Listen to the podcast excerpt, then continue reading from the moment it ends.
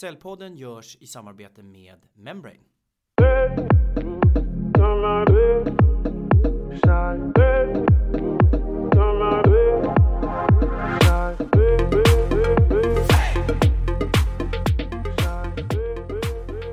Hej välkommen till Säljpodden. Jag heter Ken Skog och den här podden är för oss som gör affärer och ges ut av Säljarnas Riksförbund. Jag sitter här idag med trendspanare, föreläsare och forskare inom försäljning. Henrik Larsson Broman arbetandes på ProSales. Välkommen Henrik. Tack Ken. Kul att ha dig här. Vi ska idag prata om en trend. Spelifiering som du skriver om i din bok Supertrenderna. Kan du introducera den här trenden, spelifiering? Vad handlar den om? Det kan jag göra. Spelifiering innebär att vi lånar mekanismerna från datorspelets värld och så inför vi det på en massa andra olika typer av områden med syfte att engagera och göra arbetsuppgifter eh, mer underhållande, roande och eh, mer glädjande. Eh, och det här är ett fenomen som har vuxit enormt på senare tid och då är det så att det finns ett antal drivkrafter bakom den här, den här rörelsen. Och det är ju datorspel. Vi vet att det finns någonting som triggar oss enormt mycket i att spela datorspel. 97% av alla unga spelar någon form av datorspel idag. Så här har man lyckats knäcka koden kring vad som skapar glädje och lust och dopaminkickar. Precis som sociala medier skapar väldigt mycket dop dopaminkickar. Eh, för det är nämligen så att varje gång vi utmanar oss själva i ett spel så utsöndrar då hjärnan dopamin vilket ger en ett behagligt rus. Vi mår ganska bra när vi får en dopaminkick. Samtidigt är det så att varje gång vi får en belöning för saker och ting då ökar också testosteronhalten i kroppen vilket gör att dopaminproduktionen kommer igång ännu mer. Då får vi ännu större. Så det är en beroendeframkallande mekanism. Och är det nu så att vi tycker att det här är ett väldigt bra sätt för att engagera människor. Så varför inte ta med det ut på arbetsplatsen? Eller ta ut det i offentliga miljöer eller på andra olika typer av områden. För att just engagera människor. Och det är ju det precis som, som händer. Och det, det man kallar det då för det är spelifiering eller gamification. Uh, och vi vet ju det att det är en stor utmaning idag att engagera människor på arbetsplatsen. Det finns en hel del studier som visar på att vi inte är så himla engagerade som vi kanske önskar att vi, att vi skulle göra eller vara. Eh, och då kan man ta de här mekanismerna och använda det allt ifrån. Du kan egentligen gamifiera eller spelifiera vad du än vill. Oavsett om du vill öka kreativiteten på arbetsplatsen eller du vill få säljare att eh, springa mera eller om du vill att säljare ska bli mer kundfokuserade eller du vill öka samarbetet på arbetsplatsen eller om du vill få bilister att sänka hastigheten Eh, eller om du vill få människor att eh, panta mer tomflaskor. Egentligen kan du spelifiera vad du vill med de här mekanismerna. Och det är det som är själva, själva grunden i spelifiering. Att göra det mer lustfyllt. Spelifiering, är det samma sak som säljtävling eller vad, vad är skillnaden? Nej men det är det ju inte. Alltså säljtävling du skulle kunna spelifiera en celltävling. Men jag skulle säga att det är inte eh, alltså, det grundläggande mänskliga behovet vi riktigt eh, söker efter här. Utan du kan som sagt spelifiera nästan vad, vad du vill för någonting.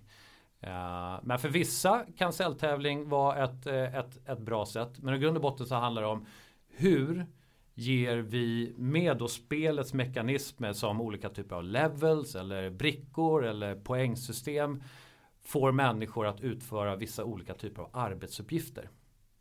Så om du nu vill öka samarbetet internt på en organisation.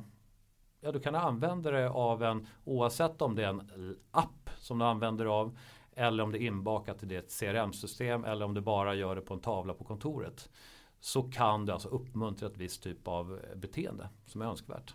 Och där nämnde du ju kopplat till säljare att du dels skulle kunna ha det för att få en organisation eller individer att springa snabbare men också faktiskt att bli mer kundvärdesorienterade till exempel. Uppfattar jag det rätt? Ja men precis. Mm. De här spelifieringarna, är de individuella, är de kollektiva eller hur ser du på spelifiering inom försäljning i en försäljningsorganisation? De kan ju vara både, eh, både och eh, givetvis. Um, om du vill jag, jag, jag, lägger inte någon bedömning i vad som är rätt eller fel här. För det kan se lite olika ut på, på olika företag. Men vill du ha en leaderboard. Det vill säga att ja, men du vill ha konkurrens och, eh, och tävling in, internt. Att du vill lyfta fram ja, men de som har gjort flest aktiviteter, flest affärer, sålt mest. Eller har eh, skapat mest nöjda kunder eller någonting annat. Men då kan du sätta upp en sån typ av leaderboard med olika typer av parametrar. Eh, vill du däremot att du jobbar med mer komplexa affärer och det är mer projektet som helhet eller gruppen som ska prestera tillsammans. Då kanske andra typer av eh, eh, kriterier eller beteenden som du vill uppmuntra och engagera. Har du varit med i någon form av spelifiering på ProSales senaste åren? Nej, det skulle jag faktiskt inte, eh, inte säga. Eh, vi är ju det beror på hur man menar därför att du kan lägga in spel och du kan också lä lägga in lek som en del. Och det är ju så att vi vet ju nu att många kontorsplatser, alla de här företagen som eh, är beroende av kreativ förmåga. Typ Google eller Amazon eller Microsoft gör också till sina kontor till rena de här lekplatser. Därför att det forskningen säger är det att det enklaste sättet att få engagerade medarbetare är att göra det roligt. Gör det roligt så kommer vi också att engagera oss eh, eh, mer i saker och ting. Även för arbetsuppgifter som kanske i många fall är rutinartade eller rent ut sagt eh, tråkiga. Eh, så att vi, eh, vi behöver någon form av lek i det vi faktiskt gör. Tyvärr är det så att vi, om man tar bara en sån sak som hur ofta skrattar vi på kontoret idag?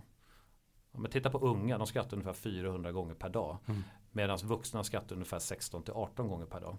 Vilket är ganska märkligt därför att vi vet att glädje och lust och lek ökar kreativiteten, ökar samarbetsförmågan, eh, minska sjukfrånvaro och det finns massa olika typer av effekter av att faktiskt ha roligt på, på arbetet. Och det här börjar också många företag inse. Varför man då tar till sig sådana här typer av verktyg eller om man ska kalla det för en metodik eh, i syfte att öka kreativiteten på arbetsplatsen. Så spelifiering, det frigör dopamin, det belöningen eh, skapar testosteron som ökar dopaminet, det skapar glädje, glädje sänker sjukfrånvaron och, och skapar skratt på jobbet och ger bättre resultat. Det känns som att spelifiering är en trend som vi borde titta närmare på och faktiskt inte bara titta närmare på utan faktiskt börja arbeta med enligt dig. Exakt, och jag tror att det finns många fördomar just kring, kring spelifiering som du sa att det handlar om att eh, arrangera en säljtävling. Och att det inte passar för organisationer som jobbar med lite mer senior eller mer komplexa affärer. Det går alldeles utmärkt att använda i den typen av affärer också. Mm. Jättebra, tack så hemskt mycket för att du var med idag. Vi har alltså pratat om spelifiering. Eh, själv har jag varit med i många typer av spelifiering eller säljtävlingar beroende på vilket ord du vill använda.